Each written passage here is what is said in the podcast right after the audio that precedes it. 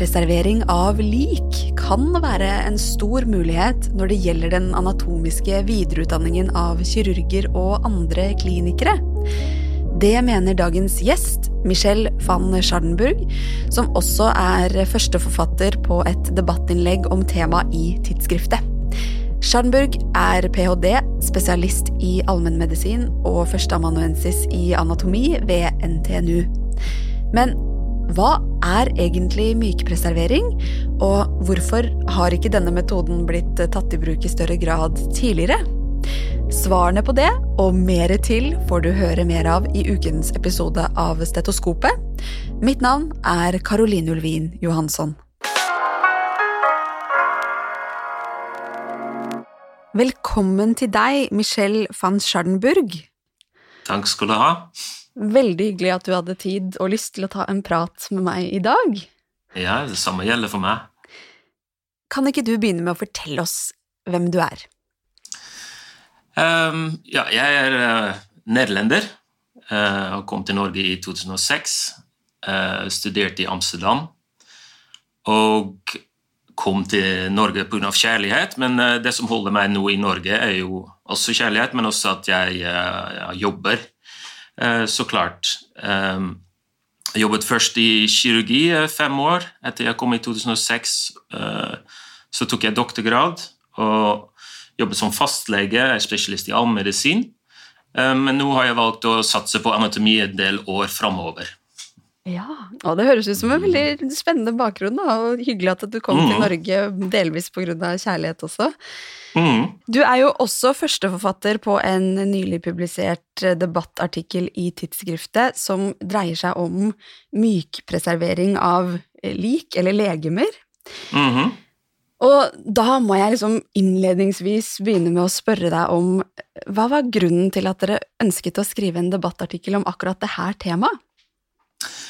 Um, jeg ønsker den uh, Altså det er viktig med at debatten holdes i live. Eh, vår kollega Åle Øyen og Trygve Legård og Anders Børkland skrev jo en debattartikkel for kun seks uker siden om eh, det med klinikkanatomi og bedre utdanning eh, for norske klinikere.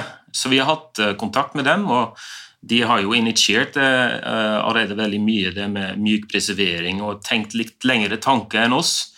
Og um, jeg tenker at uh, vi må støtte det. Og vi vil det også veldig gjerne, for det er jo mye muligheter der. Langt flere enn med formalinbalsamerte legemer. Mm. Og mm. før vi på en måte dukker ned i sakskompleksene som dere jo eh, tar opp i artikkelen, så tenker jeg vi bare mm. må uh, få det brakt på det rene helt sånn innledningsvis. Ja, ja. Et viktig moment. Kan du forklare hva mykpreservering egentlig er for noe? Ja, um, når vi uh, balsamerer uh, våre donorer, donorer, så bruker vi kjemikalier for å gjøre at de uh, varer og kan brukes i undervisning. Når man bruker formalin, som er jo noen kreftframkallende stoff, så, så bruker vi en, en, en, kjemikalier eller en innhold på en væske som har omtrent 36% formalin. Og formalin er jo gjør at legemet stivner til. Så, så, det er jo på en måte en, en stiv preservering eh, som er veldig godt brukbar for undervisning innenfor anatomi for medisinstudenter. Men mjukpreservering det bruker man andre kjemikalier som gjør at eh, legemet er mjukere. Eh, la oss si det så enkelt som mulig.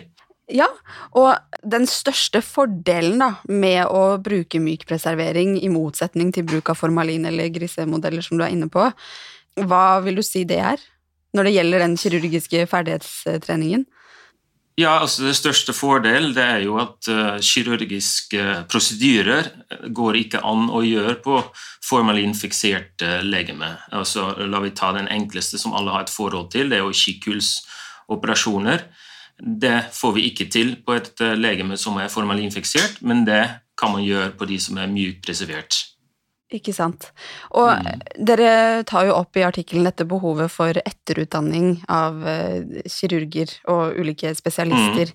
Mm. For utgangspunktet, sånn som jeg forstår det, da, er at dere uh, ser på mykpreservering av legemer som en veldig stor mulighet når det gjelder den mm. videre utdanningen. Så tematisk sett så favner dette her egentlig om ganske mange ulike spesialiteter og fagfelt, sant? Ja, det er riktig. Det er riktig. Og det, det ja, bare for å si det, går jo fra topp til tå. Så både ortopeder, renese- halsleger, gastrokirurger, gynekologer, alle kan dra nytte av mykpreserverte legemer. Mm. Og hvorfor tenker dere at det er behov for bedre etterutdanning i anatomi i Norge, da? Um, ja, egentlig legene, har jo svart uh, på det selv. I 2014 gjorde Åle Øyen og Trygve Legård en, en, en, undersøkelse under 900 leger. og, og, det var mange, uh, jeg skal ikke si noe prosentvis, men det var veldig mange som sa at de har havnet en gang i en situasjon hvor de følte at anatomikunnskapen ikke strakk til. Mm. Så, mm. så, rett og slett at det etter noen år i feltet at man har behov for påfyll av kunnskap eller oppfriskning, eller rett og slett ny kunnskap også? Absolutt. Ja. Absolutt. Eh, men fordi det er jo vanlig med en slags ensretting eh, innenfor spesifikke kirurgiske fagfelt, sant, knytta opp mm. til begrensede utvalg av kroppen. Vil du si det i, i dette perspektivet som dere drar, tar opp i denne artikkelen, er viktig å på en måte opprettholde en mer helhetlig innsikt for større deler av kroppen, eh, og liksom en mer helhetlig forståelse for anatomi, eller eh, at man på en måte frisker opp den mer ensrettede eh, kunnskapen sin? Det er litt sånn vanskelig å svare på. Altså selv som underviser i anatomi, så skulle jeg sagt det første, altså mer den, den helhetlige anatomikunnskapen, hvor man tar utgangspunkt i forskjellige konsepter for å forstå helheten. For det, Eh, det er jo nok det som motiverer meg for å undervise førsteårsstudenter og andre osv. Og, så og det er det samme for mange flere av oss. Men man skal jo også være litt realistisk at uh, man må jo spisse det uh, i forhold til eventuelt de forskjellige kurs uh, for at det skal være klinisk relevant. Og um, Hvis man snakker mer om helhetlig, så, så tror jeg at Pga. at det er flere klinikere som involverer seg nå i anatomiundervisning, så blir det en naturlig, helhetlig overgang fra mer tradisjonell anatomiundervisning til mer klinisk relevant. Mm. Dere tar jo også til orde for i artikkelen at Norge ligger etter sammenlignet med eh, andre land når det gjelder denne etterutdanningen av klinikere i anatomifaget generelt. Kan mm. du forklare eller utdype litt på det? På hvilken måte da ligger vi etter? Ja, altså, det blir også eh, litt altså Det er jo ikke altså Det å initiere dette her i en debattartikkel, det er jo i hvert fall for å initiere en tankesett om, for de som kan avgjøre dette her, da. Men, men det er opplagt at TILs preservering den, den ble jo etablert på 90-tallet, og den har jo vært utbredt brukt for forskjellige steder. og eh, jeg vet at Oslo har jo vært eh, i Madrid for eksempel, i 2018 med hele gruppa og sett allerede nytteverdi av dette her. Og ehm, det er jo det, altså, Operative inngrep eller prosedyrer har jo vært der også, uavhengig av mykpreservering. Eh, men det, det, krever en helt annen logistikk, hvor legemet som kommer inn, blir frosset, og så seinere brukt igjen, eh, men da i en mjuk form. Men de er ikke preservert, så du har jo en tidslimit på en uke hvor du må gjøre alle de prosedyrer. Og så er det, Jeg var, i Boston, ved Harvard. Der er det en, en, en kliniker som, er, eh, som, leder der. Og jeg kjenner mange kirurger, og de har jo myk preservering som en metode som de bruker aktivt eh, opp mot klinisk utdannelse av, av kirurger i det tilfellet her. Mm. Mm. Eh, og hva, hva, er det de gjør annerledes som vi kan kunne lære av, da, tenker du? Um, Nei, altså, det, det, er mye logistikk som, som ligger bak uh, å etablere mykpreservering. Altså, I artikkelen så, så, så, går vi bare inn på kostnad av de kjemikalier som er ti ganger så dyrt. Men det er jo mer helhetlig, hvor uh, altså Hvis vi får inn et legeme med transportkostnader og, og begravelsesbyrå på forhånd, så er det allerede 40 000 kroner uh, for hver donor vi har her på, i, i Trondheim. Eh, og vi har jo et stort område som vi, vi, dekker, eh, så det går jo helt opp til Nordland og, og opp til Dovre. Eh, så, så transportkostnader er jo logiske. Og, og, det andre er jo at vi har ansatte som må lønnes og osv. Så, videre. så mye av de kostnadene er jo allerede tatt. Men hvis man etablerer det tilbudet her, så, så det, klarer man ikke å unngå at man må kanskje ha noen flere ansatte. Man må tilpasse lokalene sånn at man kan gjøre en, At man får på en måte en operasjonsrom. Ja. Mm. Og det på en måte spiller jo litt inn i den eh, neste, neste segmentet jeg tenkte vi skulle snakke om, som er litt hva slags tilbud som finnes i Norge per i dag. Eh, mm. For man kan jo da spørre seg om liksom hvorfor eh, har ikke egentlig mykpreservering blitt tatt i bruk i større grad tidligere?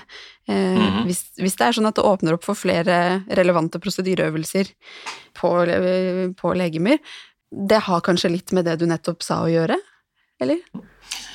Uh, ja, så I hovedsak så handler dette her om ildsjeler som brenner for å få dette tilbudet uh, på plass. Så uh, jeg ser en nyttigere som tidligere LIS i kirurgi, så klart. og så har vi noen Vi har en gastrokirurg som, som, er involvert. Vi har en ortoped som underviser noe i anatomi hos oss. Ole Øyen er tidligere transplantasjonskirurg som jobber nå i Oslo. og det er jo liksom drivkraften for å få den debatten i gang, og, og, for å få i gang prosjekter. Jeg tenker dette her bør være initiert som et prosjekt i første omgang for å eh, få det til. Eh, Men er det et kostnadsspørsmål, rett og slett, at ikke det har blitt tatt i bruk tidligere fordi det er dyrt? Altså, altså Donorordningen, eller testatorordningen, den er jo dyrt med det å transportere legeme og og eh, ansatte som lønnes for å gjøre den arbeidet og legge til rette på disseksjonssalen. det, det, det, er det som er den største kostnaden. Og Det andre er jo det infrastrukturen, hvem som skal undervise og, og hvem som skal ha ansvar for uh, selve kurset. Er det, er det, anatomer, eller er det klinikere, er det spesialistkomiteer osv. Så, så det, det, det bør være en helhetlig vurdering her. Og som jeg ser det, min funksjon, eller vår funksjon her ved anatomi i første omgang er jo å legge til rette og tilby en mulighet og en, service. På NTNU har vi ikke kapasitet å gjøre hele ansvaret for sånne kurs. Hvordan tror du det står til med anatomikunnskapene eh, hos norske leger eller kirurgiske spesialister i dag, da? Mm. Det er, det er farlige ting å gjøre en uttalelse om. Eh, så det, jeg, jeg gjør ikke noen uttalelse. Eh, det eneste jeg kan si, er jo at eh, undervisningsformen eh, er annerledes. Vi har fått mindre tid på undervisning, men vi har jo høyt motiverte studenter, så, og vi ser jo det ikke i ja, Det er litt avhengig av hva endepunktet er. Altså Hvis vi ser på eksamenskarakterer, så ser vi ingen forskjell.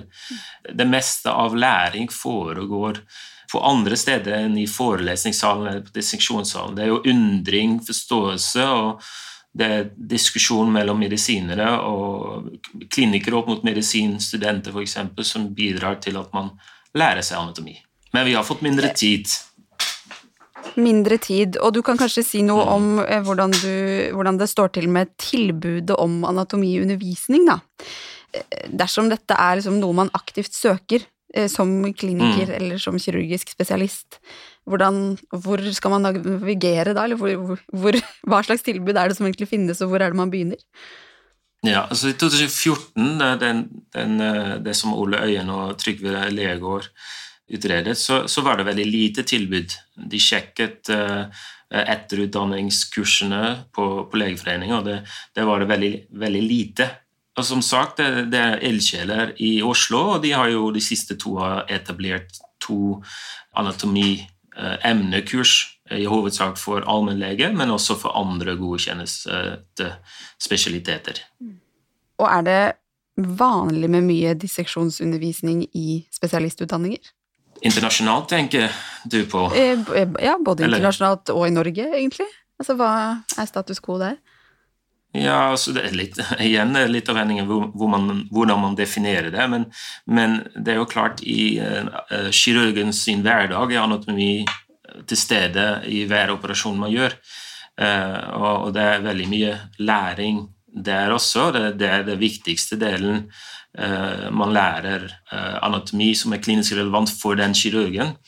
Men, men også der er det jo, akkurat som på medisinsk, det er litt mer strømlinjet. Så jeg tenker de fleste appendektomier de foregår laparoskopisk nå. Da jeg jobbet fra 2006 til 2012, så var det åpen som var den uh, mest etablerte formen. Og da, da sier det selv, seg selv. Du får en annen inntrykk av anatomi når du åpner opp bukveggen og går gjennom de forskjellige lag og, og, og tar ut blindtarmen og, og fjerne det. og da var det allerede etablert naturlig kik kikhusoperasjon på, på galleblære. Men det var ikke mange som har måttet gå over til en åpen eh, kirurgi eh, og fjerne galleblære. Og, og da, da, er det helt annerledes anatomi. Mm. Altså På kikkehus så ser du stor galleblære du kan zoome inn, eh, men når det er åpen, så er det veldig lite. Mm. Hvis vi sirkler litt tilbake til den økonomiske spørsmålet, da. Mm. For dere omtaler jo eh, mykpreservering av legemer som sagt som en stor mulighet i den anatomiske videreutdanningen av kirurger, og at dette er noe som universitetene jo kan legge til rette for.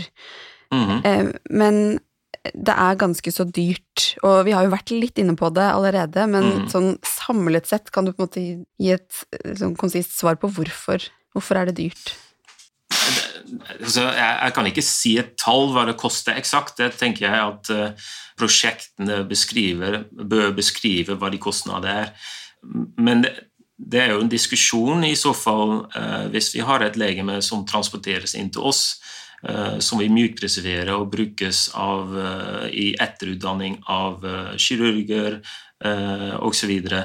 Hvordan skal det revideres? Så det tenker jeg for, for meg som Eh, er førsteamanuensis i anatomi. Det er jo egentlig ikke min rolle å, å, å gjøre noen uttalelse om.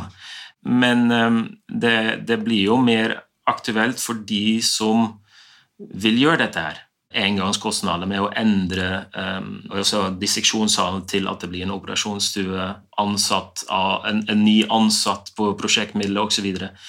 så jeg har jo ikke noen spesifikk uh, eksakt tall på det. Jeg vet at Oslo er litt lengre på dette her. Og I min uttalelse også til Oslo da vi møtes, så er det Oslo fører an, og, og vi er med.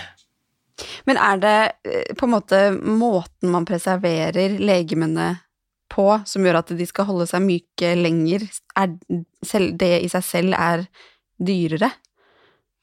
Enn eh, Kjemikal sett opp mot ja. Eh, formalin, for eksempel, da? Ja, altså kjemikalene er dyrere. Ja. Uh, og måten de gjør det i gras, er det jo at de har uh, ja, Nå må jeg bare velge mine ord litt. Det er et basseng hvor legemet ligger inn i det kjemikaliet. Eh, og du, alle kan forestille hvor mye vann er det i et basseng. Det er jo veldig mye. Og når du må bruke de kjemikaliene som også brukes til selve balsameringen, så blir det en veldig stor kostnad. Og formalin er jo langt billigere. Langt billigere. Ja. Er det mange land som bruker myk preservering eh, som en del av etterutdanningstilbudet for kirurgiske spesialister? Vet du det? Eh, det er etablert i veldig mange land. Eh, jeg skal ikke prøve å oppsummere, men eh, bare ta noen få. Altså USA, så klart. Nederland, India, altså de store land. Og så er det ja, altså Madrid.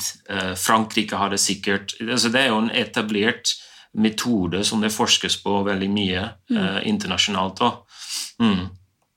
Så da vi kan det jo nesten virke litt rart at vi henger, henger såpass etter sammenlignet med de andre landene? Eller? Ja, jeg veit ikke. Altså, det er en tid for alt. Det, det initieres en gang. Altså, debattartikkelen er jo ikke ment for å være kritisk mot andre, at de aldri har gjort det eller aldri har tenkt tanke. Det er det ikke. Jeg er jo en som ser framover og uh, jeg ser et, en, en, mulighet på en problemstilling, og så er det opp til andre å se Jeg har ikke en stor lommebok, til å si det sånn, så, så, så det, det, er det som er jo tanken bak debattartikkelen, om, om, de andre eh, som har det, det formelle ansvar for videreutdanning, er villig til å ta imot en mulighet. Mm. For slik som situasjonen er nå, så ser dere det ikke som en nødvendighet med mykpreservering i undervisningen av medisinstudentene. Eh, ja. Kan du fortelle mm. litt om hvorfor tenker dere ikke at det er nødvendig? Um, ja, da, da, går man inn kanskje bare på min filosofi om hvordan anatomikunnskap læres. Og det læres hos oss gjennom forelesning og disseksjon, men i hovedsak gjennom undring og forståelse i dialog med hverandre. Eh, så vi har jo eh, vi, vi har definerte grupper som, som er på disseksjonssalen sammen. Vi bruker eldre medisinstudenter som er ansatt hos oss, for å veilede de grupper til å lære seg de konsepter og, og, klinisk relevans, altså konsepter og forståelse av anatomi, sånn at en får en helhetlig bilde av anatomi. Og så er vi på vei til at det blir anvendelse av anatomi, anvendelse av anatomi i problemstilling i den kliniske hverdagen. Mm. Ja. ja. Så det vil ikke, du tenker ikke at det mykpreservering vil kunne være relevant på sikt, f.eks.? Ja, jeg, jeg glemte å svare på det spørsmålet, så klart. Altså, så er, det, så er, det, veldig enkle ting. Vi har jo allerede, det er allerede dyrt, som det er med alle logistikk.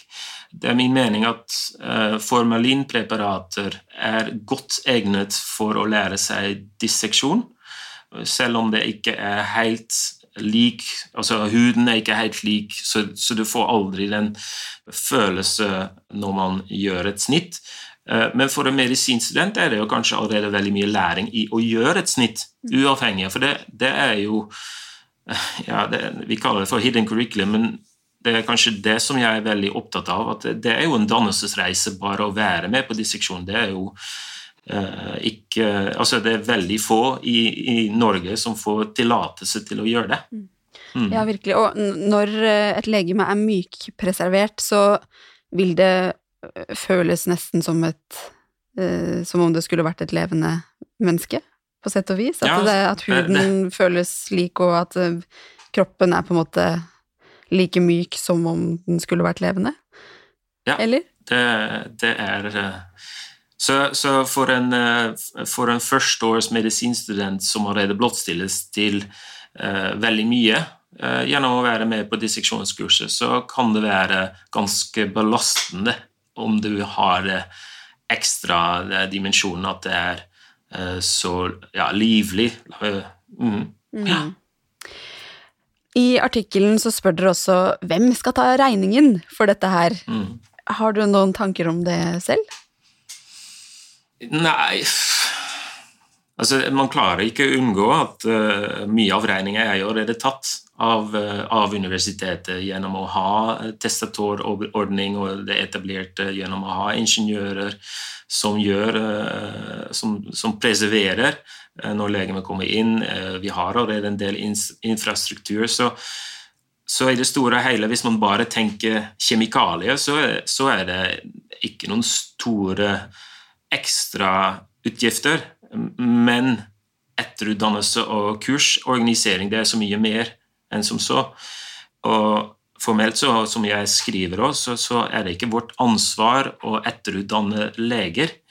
Så, så jeg tenker at for å gjøre det enkelt, så vi faller da under Kunnskapsdepartementet, og andre faller under uh, Helsedirektoratet. Og da så, så, får vi se, og det, det, det, blir jo naturlig at Legeforeningen er involvert, spesialistkomité må se nytte av det her før at det, det skaper en, en, debatt, kanskje internt hos dem eller, uh, eller i tidsskrifter.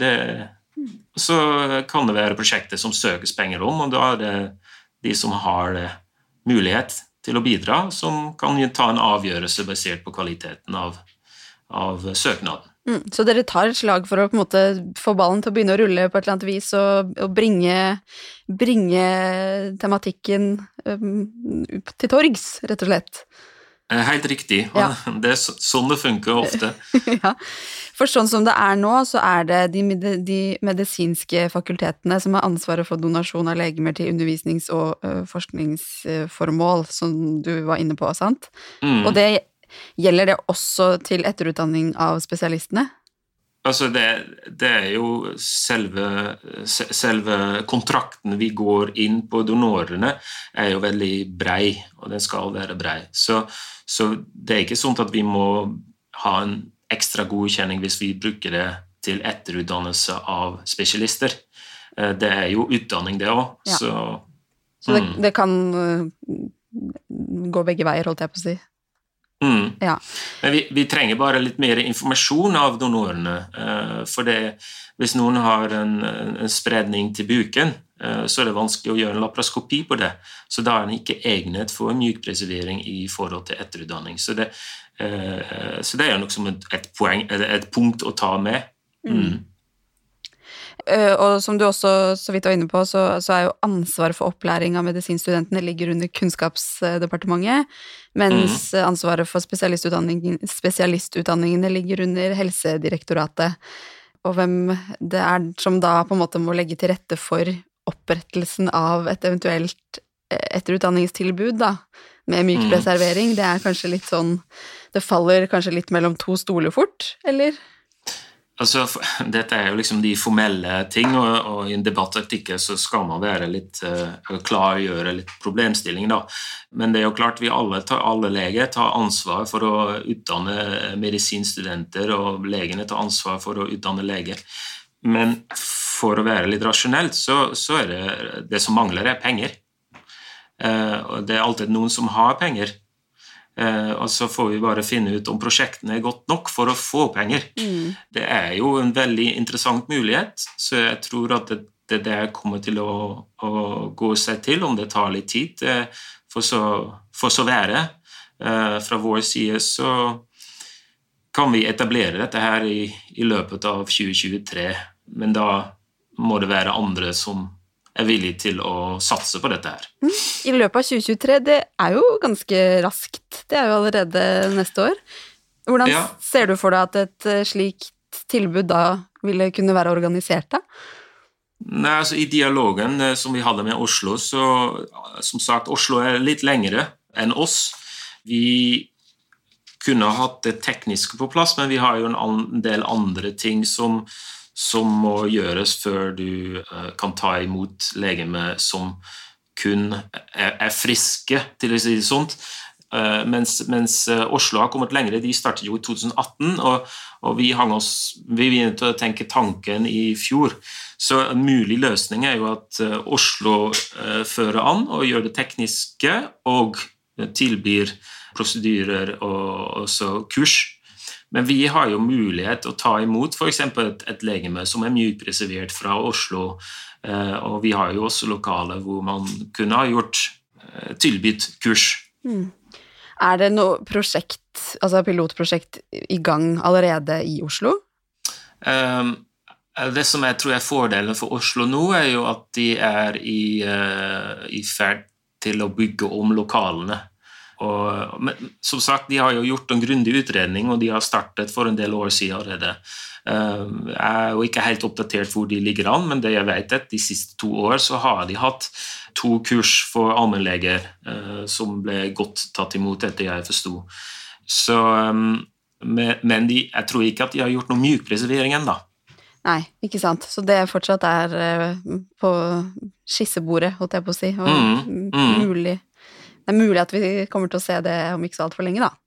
Mm, Får håpe det. Ja. ja. Jeg tror det er en veldig fin mulighet. Alle jeg har snakket med som både i nær omgivelse og, og, på internasjonale sammenhenger, syns dette her er noe veldig interessant og en mulighet som, uh, som jeg tror kommer til å motivere mange. Mm. Det syns jeg var noen gode oppsummerende ord. Da sier jeg tusen mm. takk skal du ha for at du kom til stetoskopet. Vær så god. Takk for at du hørte på ukens episode av Stetoskopet. Dersom du skulle ha tilbakemeldinger til oss eller tips til temaer vi kan snakke om, så er det bare å sende oss en e-post på stetoskopet at tidsskriftet.no. Neste uke er Are Brean tilbake med Redaktørens hjørne, og jeg er igjen på plass med en ny gjest om to uker. Vi høres!